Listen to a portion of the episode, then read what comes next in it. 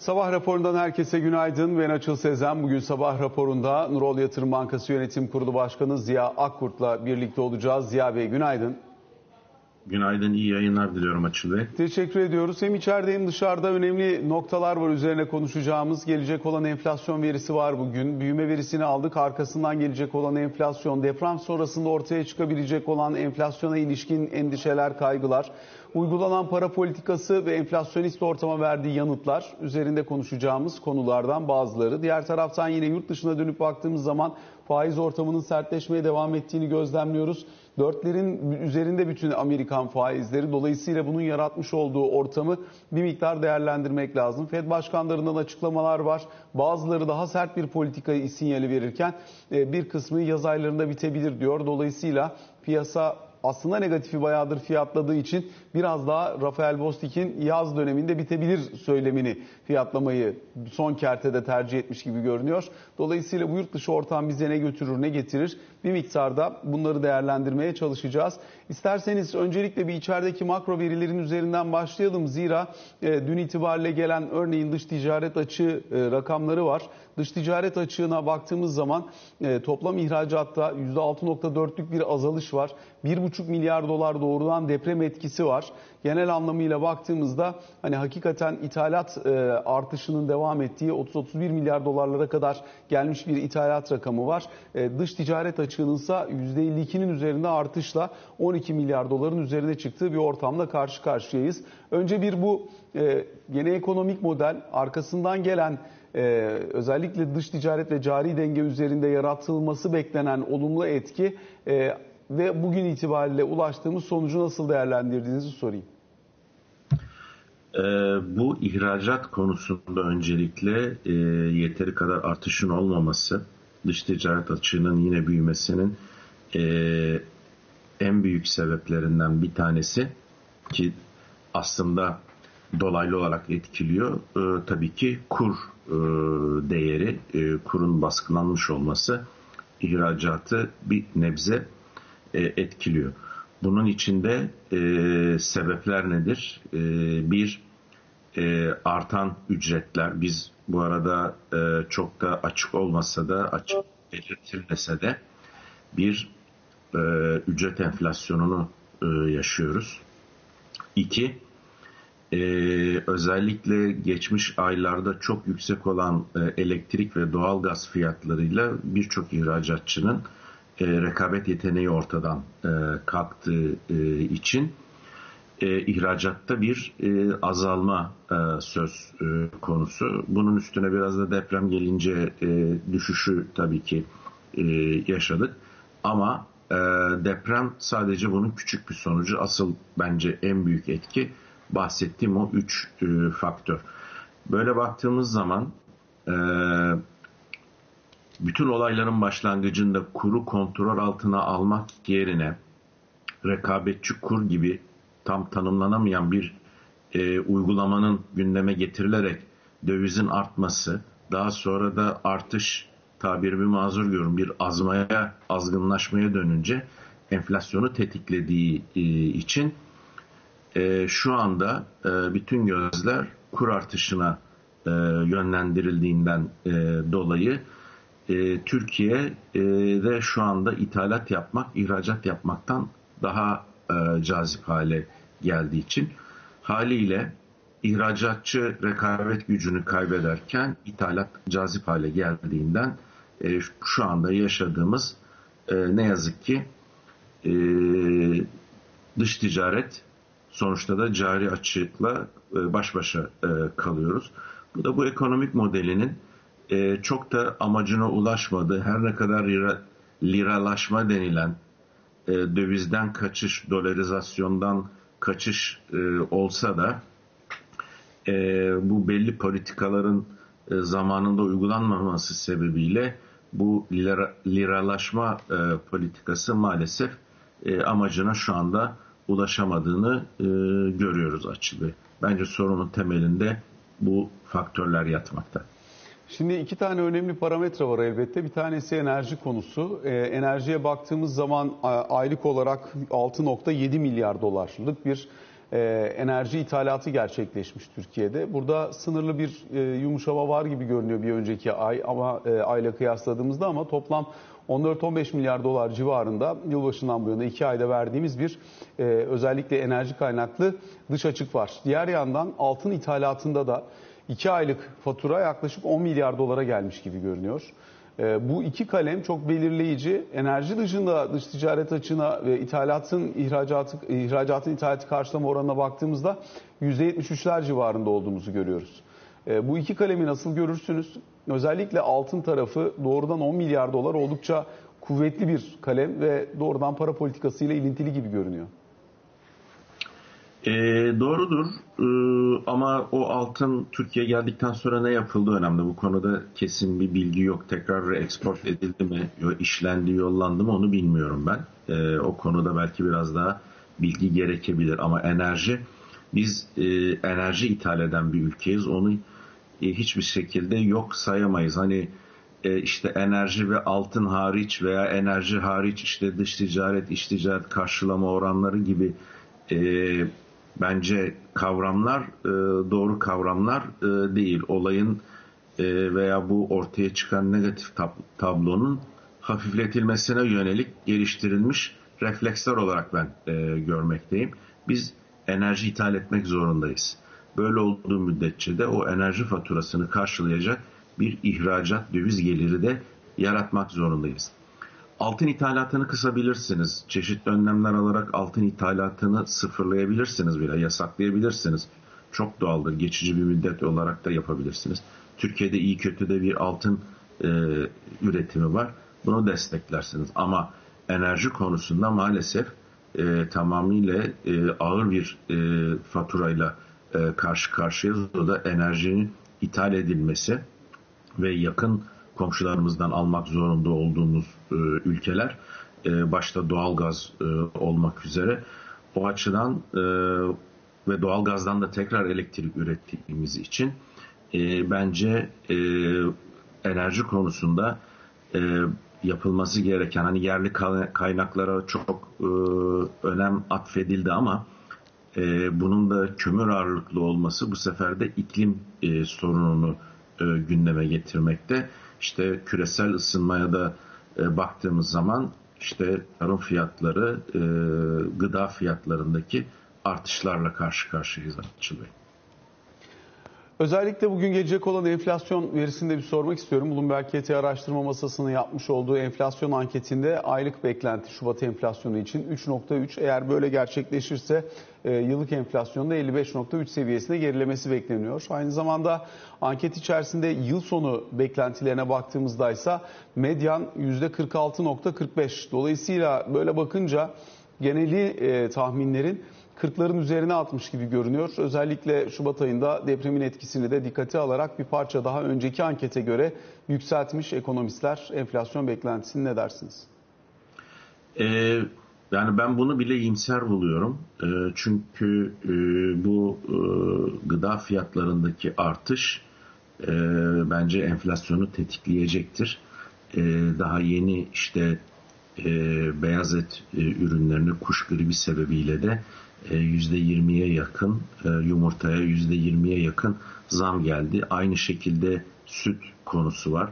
Özellikle deprem bölgesinin tarıma olan katkılarını da göz önüne alacak olursak onun yarattığı bayağı bir sıkıntı olacak. Zaten dünyanın genelinde bir e, kuraklıktan dolayı sıkıntı vardı. O yüzden gıda enflasyonu e, bence e, bu e, tabloyu e, %40'lar gibi rakamları negatif etkileyecektir e, artı dövizin baskılandığını e, düşünecek olursak bir e, noktada bu döviz maalesef serbest bırakılmak zorunda. Böyle devam ettirilebilecek bir politika değil. Onun da yaratacağı bir çarpan etkisiyle ben enflasyonun %50'lerden aşağı düşeceğini zannetmiyorum. Şimdi e, baz etkisiyle enflasyon düştü diye e, bazı kesimler e, işte övünüyorlar enflasyonun belini kırpıyoruz indiriyoruz diye. E, hiçbir şey yapmadan matematiksel ve aritmetiksel olarak iniyor. Ama bu enflasyon artış hızının inmesi e, fiyat artışları devam ediyor demektir. Fiyatlar geriye kesinlikle gitmiyor ve e, özellikle ücretli kesimin e, hayat standardı düşmeye, gelir kaybına uğraması devam etmektedir. O yüzden buralarda e, enflasyonun yüzde 40'lara veya 50'lere düşürülmesini bir başarı olarak ben e, göremiyorum. Bilakis e, diğer taraftan da yukarı yönlü risklerinde olması sebebiyle e, bence e, enflasyonla gerçek anlamda mücadele edilmesi gerektiği ve buna göre bir paket hazırlanması en kısa sürede gereken bir konu olarak görüyorum Bey. Arızi problemler var e, şu an itibariyle. Mesela kuş gribi sebebiyle e, çok sayıda hayvanın itlaf edildiği, e, özellikle Türkiye'nin mesela yumurta merkezlerinde e, karantina uygulandığı gibi e, haber akışı da var. Yani bununla ilgili resmi bildirimler yapıldığı için artık rahat rahat üzerine e, ekonomik etki analizi yapma aşamasına gelmiş görünüyoruz. E, temel gıda ürünlerinde özellikle kanatlı hayvanlarda, yumurtada bu tür yaşanan problemler e, daha sonrasında bunların et ve süt ürünlerinde zaten 3 aşağı 5 yukarı e, biliyoruz, görüyoruz son dönemde yaşanan yükselişi. Gıda enflasyon sepetinin kabaca dörtte birini oluşturuyor. Dolayısıyla e, gıda kaynaklı bir risk ihtimali nasıl görünüyor? Eğer buradan gelebilecek olan bir ekstra baskı olursa bunun yansıması ne olabilir diye sorayım size. E, maalesef yani etteki bu e, aşırı yükseliş son e, günlerdeki e, yükselme trendi e, gıda enflasyonu tetikleyecektir. Tabii bunlar yükseliyor diye yarın öbür gün sebze meyveye de e, gelecektir.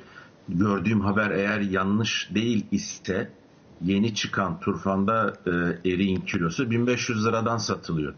Kaç kişi Türkiye'de alabilir? Bunun enflasyonist etkisi. O açıdan bu aylık işte ne bileyim yüzde üç buçuk hadi bilemediniz 3.75 çıksın. İnşallah iner 3 olur ama yani e, aslında sokakta hissedilen bizlerin tüketicilerin hissettiği enflasyon bu açıklanan resmi rakamlardan çok daha e, farklı. E, kiralar, ev fiyatlarının aşırı derecede artmış olması bana göre enflasyonu da e, bir şekilde eninde sonunda etkileyecektir. Çünkü sonuçta insanlar bu e, harcama kalemlerini kompanse edebilmek için gelirlerini arttırmak e, yönünde baskılarda bulunacaktır.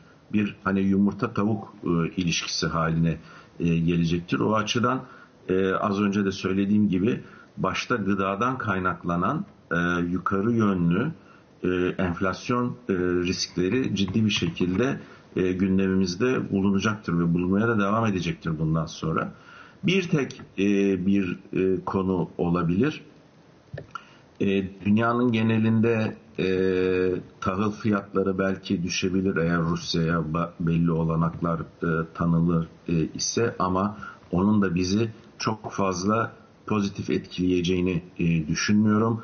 Biz çıkan üretim e, açığını, kaybını ithalat yoluyla gidermek yöntemine gidersek de bu sefer malum bizim döviz rezervlerinde e, ciddi eksilmeler e, gündeme gelebilir. Yani sonuçta e, maalesef uygulanan politikaların üstüne bir de bu şanssızlıklar gelince o liralaşma politikası dış ticaret açığını dolayısıyla cari dengeyi pozitif götürme politikaları şu anda bütün günün sonunda özetleyecek olursak çalışmıyor.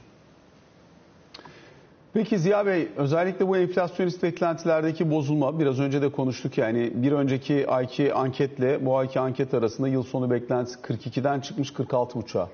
Ee, bir 4,5-5 puan kadar yukarı kaymış. Biz özellikle faiz tarafındaki beklentilerde yani burada mevduat faizini kastediyorum. Ee, daha önceki süreçte şunu görmüştük e, enflasyon baz etkisi nedeniyle bir parça gerileyecek. Yıl sonu 30'lara doğru yakınsayabilecek bir enflasyon patikası olabilir. Dolayısıyla mevduat faizlerinin de yukarı kaymasına müsaade edildi. Dolayısıyla aslında nispeten eskisi kadar olmasa da negatif reel faizden biraz daha makul negatif reel faize e, kayacak bir ortamla karşı karşıya olabiliriz. E, bu nedenle de biraz mevduatta, TL mevduat tarafında ilgi görmeye başladık. Bu tema değişiyor mu şu anda? Eğer yıl sonu beklentisi 46,5'lara 50'lere yaklaşıyor, 45-50 arasına doğru kayıyorsa o zaman şu anda 30'lar civarındaki mevduat faizi e, ne kadar cazip kalmaya devam eder? E, şu anda e, hiçbir şekilde cazip değil. Sizin de dediğiniz gibi işte kötü çok daha fazla negatif faizden daha az negatif faiz. Yani kötünün iyisi e, durumuna e, gelmiş durumda. O açıdan e, bizim e, özellikle e, gıda dışındaki diğer enflasyonist etkileri ve muhtemel döviz hareketlerini engellemek adına e, diğer önlemlerin yanı sıra e, faizde de e, enflasyon rakamlarına açıklanan resmi enflasyon rakamlarına faizleri eninde sonunda yükseltmemiz gerekecek. Şimdi e, burada özellikle e, bir konunun altını e, çizmek istiyorum. E, e, eğer e, seçimlerden sonra burada maalesef birçok e, konu seçime parametrelendirilmiş e, durumda. Seçimlerden sonra ne olacağını tabii çok fazla e, kestirmek o kadar kolay değil. Ama eninde sonunda bu faizin e, enflasyona e, yakınsayacak hatta bir müddet e, artıda gitmesi lazım ki gıda dışındaki diğer e, artışları başladı dövizdeki hareketi e, bir müddetliğine engellemesi e, açısından. Çünkü şöyle bir durum var. Aşırı derecede dövizin yükselmesi tabii ki içerideki dengeleri, iç tüketimdeki dengeleri bozduğu gibi dışarıya yönelik de ihracatçıların e, avantajlarını da kaybetmesine sebep oluyor. O yüzden her zaman tercih edilen kurun en az e, enflasyon kadar artması. Fazlası da e, iyi değil, azı da iyi değil. İşte şu anda karşılaştığımız gibi ihracatçılar rekabet gücünü e, yönetmekte. O açıdan enflasyon çok kritik nokta ama enflasyonu kontrol altına alacağız diye faizi yükseltince olay bitmeyecek. Bunun da altını özellikle çizmek istiyorum. Diğer ek önlemler e, özellikle bütçe harcamalarında e, kısıtlamaların gibi e, çoklu önlemler paketinin açıklanmasıyla ancak faiz enflasyon artışına bir nebze çare olabilir. Aksi takdirde faiz tek başına olmayacağı için hani zannedilmesin faiz artıracak bütün dertler bitecek. Kesinlikle hayır bu yanılgıya düşmemek gerekiyor açı Bey. E peki bu ortamda özellikle depremde söz konusuyken kamu harcamasında bir azalma beklemek mümkün mü? Zaten kamunun devletin nihai tüketim harcamalarının büyüme üzerindeki etkisini son çeyrekte daha belirgin olarak görmüşken bundan sonrasında üstelik de deprem varken bütçede nasıl bir sıkılaşma beklenebilir? E, bütçede e, diğer... E, yani kaynak var, bütçe sağlam ama e, bir evet. de depremin maliyeti var ve ister istemez bütçeye bir yük getirecek. Doğrudur. Ee, ancak işte bütçenin diğer kalemlerinde yapılacak e, kısıtlamalarla e, kaynakların e, bir kısmı depremin inşası kaybedilen başta konut olmak üzere yapılandırılmasını ve altyapının yapılandırılmasında kullanılabilir. Artı zaten ben şunu bekliyorum. Bunu büyük ihtimalle mevcut e, bütçe e, ve gelirlerin e, içerisinin dışında e, yurt dışından başta Dünya Bankası ve Avrupa Yatırım Bankası olmak üzere alınacak uzun vadeli altyapı e, finansman paketleriyle e, bu konunun halledilmesi gerektiği kanaatindeyim. E, yoksa e, dediğiniz gibi bütçede biraz zorlamaya sebep olabilir. Peki şimdi bankalar açısından dönüp baktığınızda e, mevduat faizleri 30'lara gelmiş durumda. E, bir taraftan e, kredi faizleri son faiz indirimiyle birlikte uygulanabilecek olan kredi faizlerinde tavan da aşağıya geldi. E, bankalar bayağı negatif marjda çalışır hale geldi gibi görünüyor. Daha öncesinde hazine karşı taraflı işlemlerdeki kur korumalı mevduat ürününün tavan faizi hala uygulandığı için şimdi 8,5 artı 3 puan deseniz 11,5 puan. Dolayısıyla buradaki para ciddi bir ucuz kaynak maliyeti sağlıyordu bankalara. Burası bitiyor. Faiz çok aşağı geldiği için insanlar yenilemeyi burada tercih etmiyorlar. Ancak bankaların oradan çıkan kaynağı ellerinde TL olarak tutabilmeleri için çünkü zaten yükümlülük var bilançonun %60'ını TL'ye çevirmeye çalışıyor bankalar. Ee, bu komisyondan kurtulabilmek için daha doğrusu menkul kıymet tutma yükümlülüğünden kurtulabilmek için. Dolayısıyla e, eğer düz mevduata giderlerse 30 bunun için e, Merkez Bankası karşı taraflı dövizi bozarak yapılan kur korumalı mevduat işlemlerine yönelmişlerdi. Hani 11,5 olmayacak onu anlıyoruz ödeyeceğimiz maliyet. Ama o zaman bari %20'lerde olan Merkez Bankası e, karşı taraflı kur korumalı mevduata yönlendirelim diye. Merkez Bankası'nın bunun bir ekstra döviz talebi yaratmasından mütevellit spot piyasada uyarıda bulunduğunu anlıyoruz.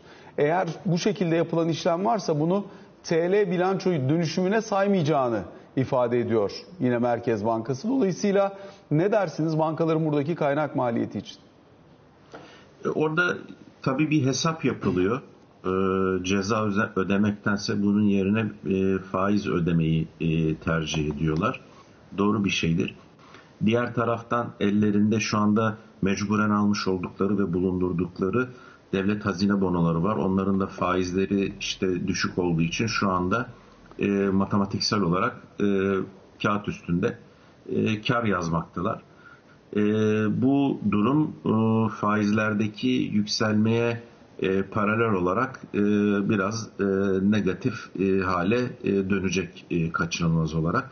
Yalnız eğer o dönemde kurda belli bir oynama olursa, kuru daha belli bir seviye şu anda e, biraz negatifte e, gidiyor. Onun da üstüne herhalde e, ciddi bir e, rakamlar e, gelecek diye bekliyorum. Belli bir müddet sonra özellikle de seçimden sonra. O zaman bankaların döviz varlıklarındaki değer artışları buradan yarattıkları, buradan kendilerine gelen zararları bir nebze olsun e, törpüleyebilir. Diğer taraftan ellerinde ayrıca e, hatırı sayılır e, miktarda e, enflasyon endeksli kağıtlar var. Onların da pozitif e, etkileri. Artı her bankanın yaklaşık %10 civarında da vadesiz mevduatı olduğunu ki bunlar sıfır faizlidir. Bu kadar yüksek bir enflasyonda yüksek faizin olduğu bir e, ortamda kayıplarını oldukça azaltacakmış gibi görünüyor. Ama sonuçta e, hani bankacılık sektörü için e, çok hoş olmayan e, bir dönem e, şu anda yaşanıyor ve biraz devam edecekmiş gibi e, görünüyor. Bunu alacakları önlemler ve saydığım faktörlerle biraz daha azaltma e, şansları var Açıl. Peki e, bu negatif marjla çalışma süreci ne kadar devam edebilir bankalar için? Çünkü paçal maliyetleri kabaca 22-23'lere geliyor. Kredi maliyetleri 12,5-13'ler e, civarına o banda doğru geriliyor e, kullandırılan kredilerin türlerine bağlı olarak. Dolayısıyla e, buralardaki yani ek komisyonlar, ek gelirler vesaireyle maliyeti kurtarmaya çalışıyor bankalar. Bu süreç ne kadar devam edebilir? Yani tamam anlıyoruz seçime kadar sürdürüleceğini ama e, seçim sonrasında ne olacak? Yani mevcut iktidarın devamı, ekonomi yönetiminin aynen devamı olduğu düşünülse dahi e, bu negatif marj işi ne kadar süreyle işleyebilir?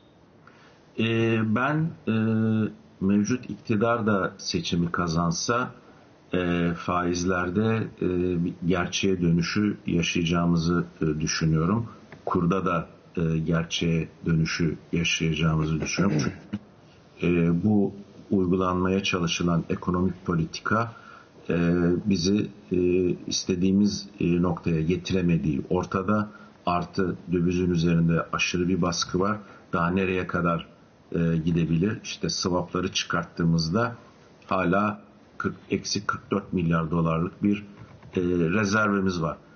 Her gün bir önlemin alınıyor olması e, işlerin çok da güzel e, gitmediğinin bana göre bir e, göstergesidir. O yüzden e, seçimlere e, seçimler e, bana göre kısa bir sürede yapılma ihtimali var. Yakın bir zamanda ondan sonra da e, gerçek e, politikalara döneriz diye düşünüyorum. Yoksa aksi takdirde e, hakikaten ileride altından e, zor kalkabileceğimiz bir e, fatura bütün e, Türkiye halkını bekliyor.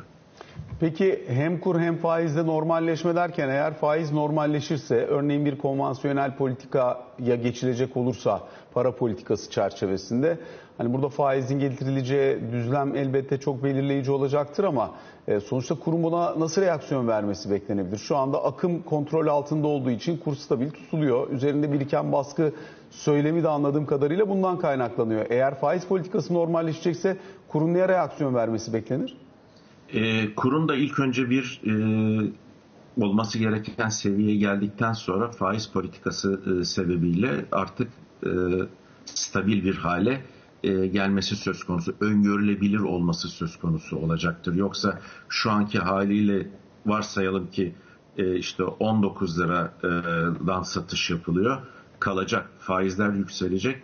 E, bence e, tekrar e, farklı bir e, döviz girişi konusunda sıkıntı yaşayabiliriz. O yüzden dövizin biraz yükselip ondan sonra da faizle de dengelendikten sonra yani aynı düzleme getirildikten sonra bence dengeli bir e, ekonomik politika yürütülebilir. E, hassas nokta orası. Ziya Bey çok teşekkür ediyoruz size. Bu sabah yayınımıza bağlandığınız ve değerli görüşlerinizi aktardığınız için kısa bir araya gidiyoruz şimdi. Sonrasında Ali Can Türkoğlu ile birlikte karşınızda olacağız.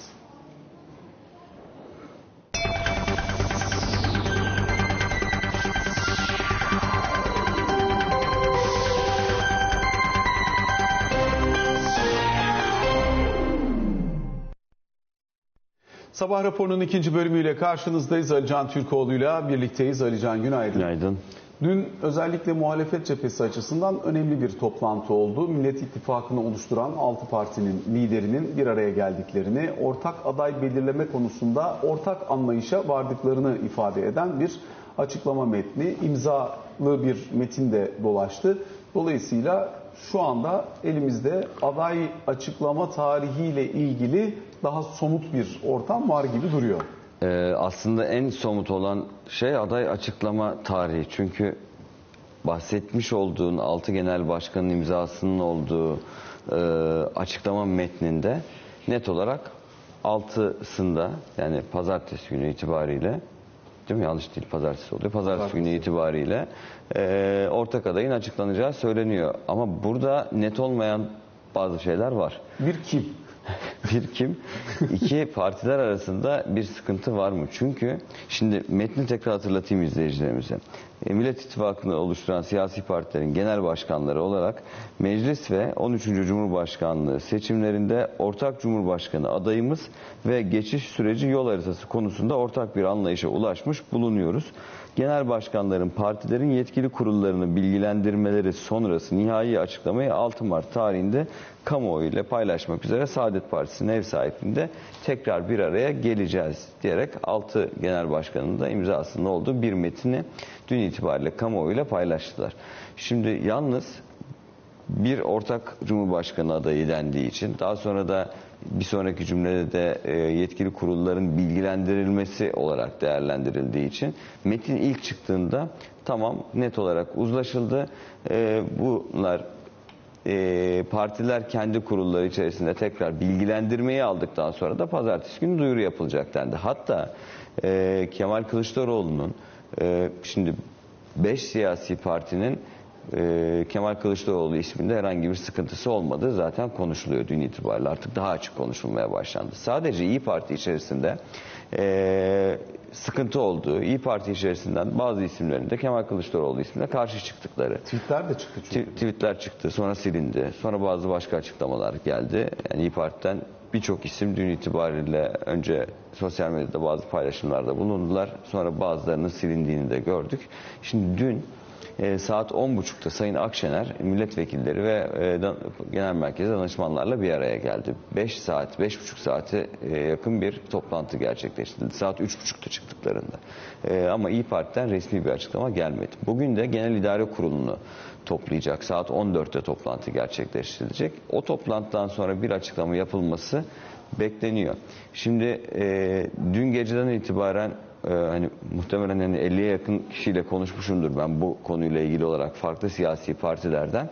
Ancak net olarak İyi Parti'nin nasıl bir e, şu anda konum içerisinde olduğuna ilişkin bir açıklama gelmedi. İyi Partililer de dahil olmak üzere. Evet bir gerçek var. İyi Parti içerisinde bazı isimler e, Kemal Kılıçdaroğlu'nun ortak aday olarak gösterilmesine karşılar. Ama bir gerçek daha var. İyi Parti Genel Başkanı Sayın Akşener de ortak aday, ortak Cumhurbaşkanı adayı ve bununla ilgili yetkili kurulların bilgilendirilmesi sonrası altısında e, kamuoyuna açıklama yapılacağı konusundaki ortak metinde imzalamış durumda. Dolayısıyla İyi Parti içerisindeki tartışma e, şu anda hani masadan kalkalım ve yeni bir aday gösterelim mi Yoksa Genel Başkan Meral Akşener'in altına imza attığı metinle ilgili olarak şu anda parti içerisindeki e, Sayın Kılıçdaroğlu'na karşı olan isimleri ikna etme üzerinde mi? Burada bir belirsizlik ve soru işareti var.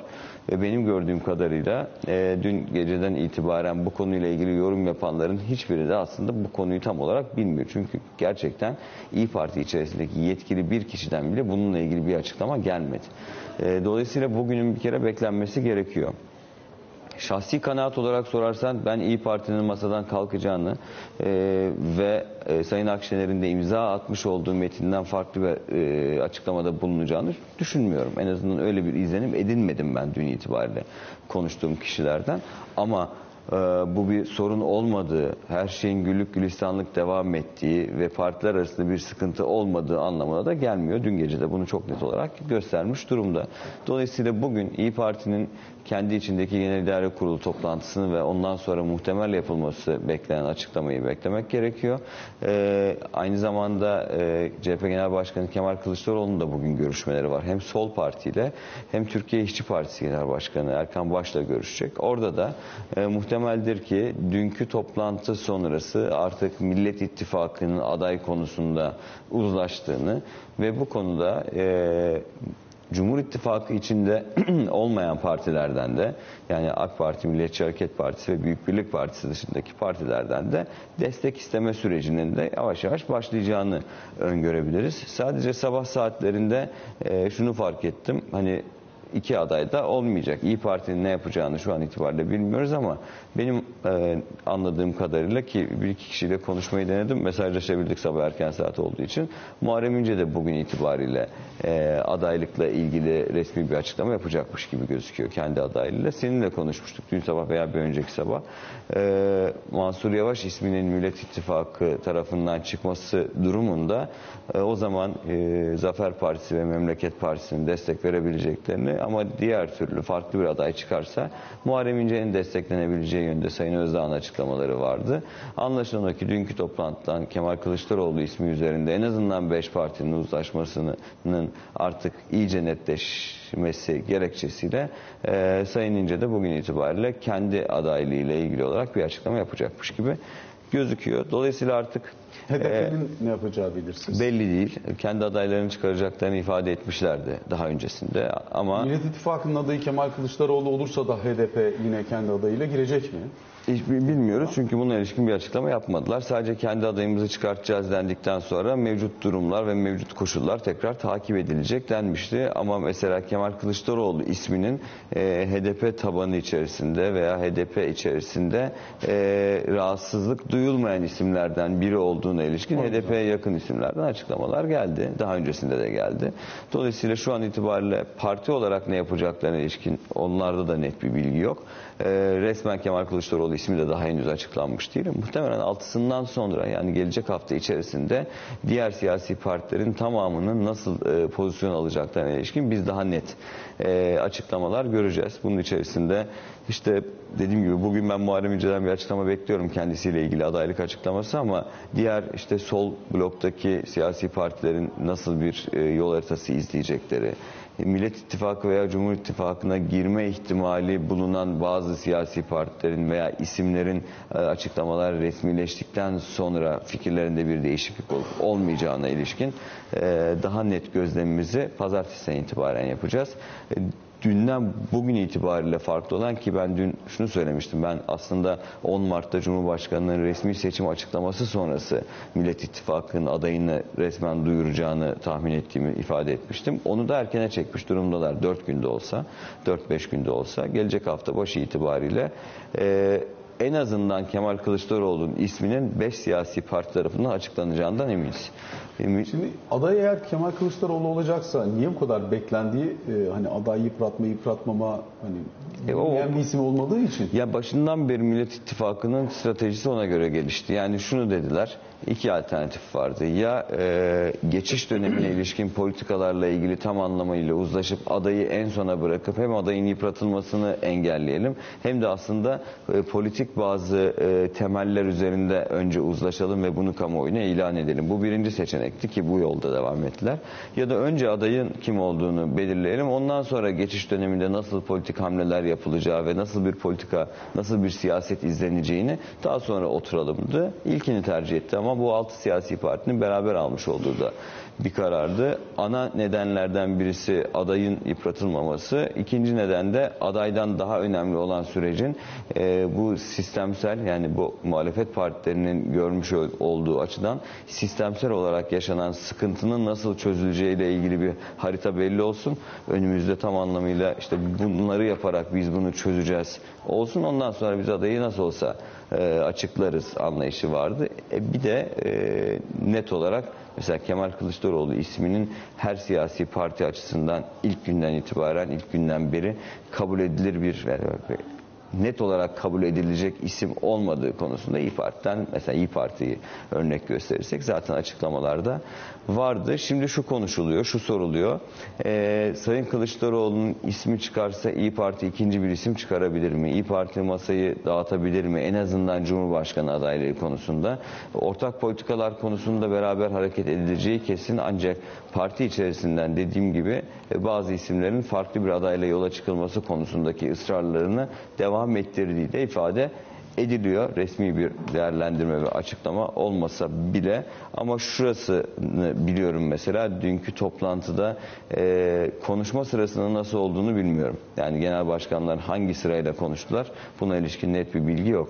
Ama mesela önce Kemal Kılıçdaroğlu'nun ismi masaya gelmişse Sayın Akşener'in başka bir isim getirmediğini ama önce Sayın Akşener konuştuysa farklı bir isimle başlayıp daha sonrasında 5 genel başkan tarafından kabul edilmemesi üzerine Kemal Bey'in isminin de gelmiş olabileceği ifade ediliyor. Bugün biraz daha net anlayacağız. Dediğim gibi her bütün siyasi partilerin kendi işlerinde farklı toplantıları var. Dolayısıyla bu birçok toplantıdan çıkacak birçok yeni bilgi olacaktır. Özellikle İyi Parti'deki e, Sayın Akşener'in Genel İdare Kurulu'nu topladığı toplantı sonra saat 14'te olacak.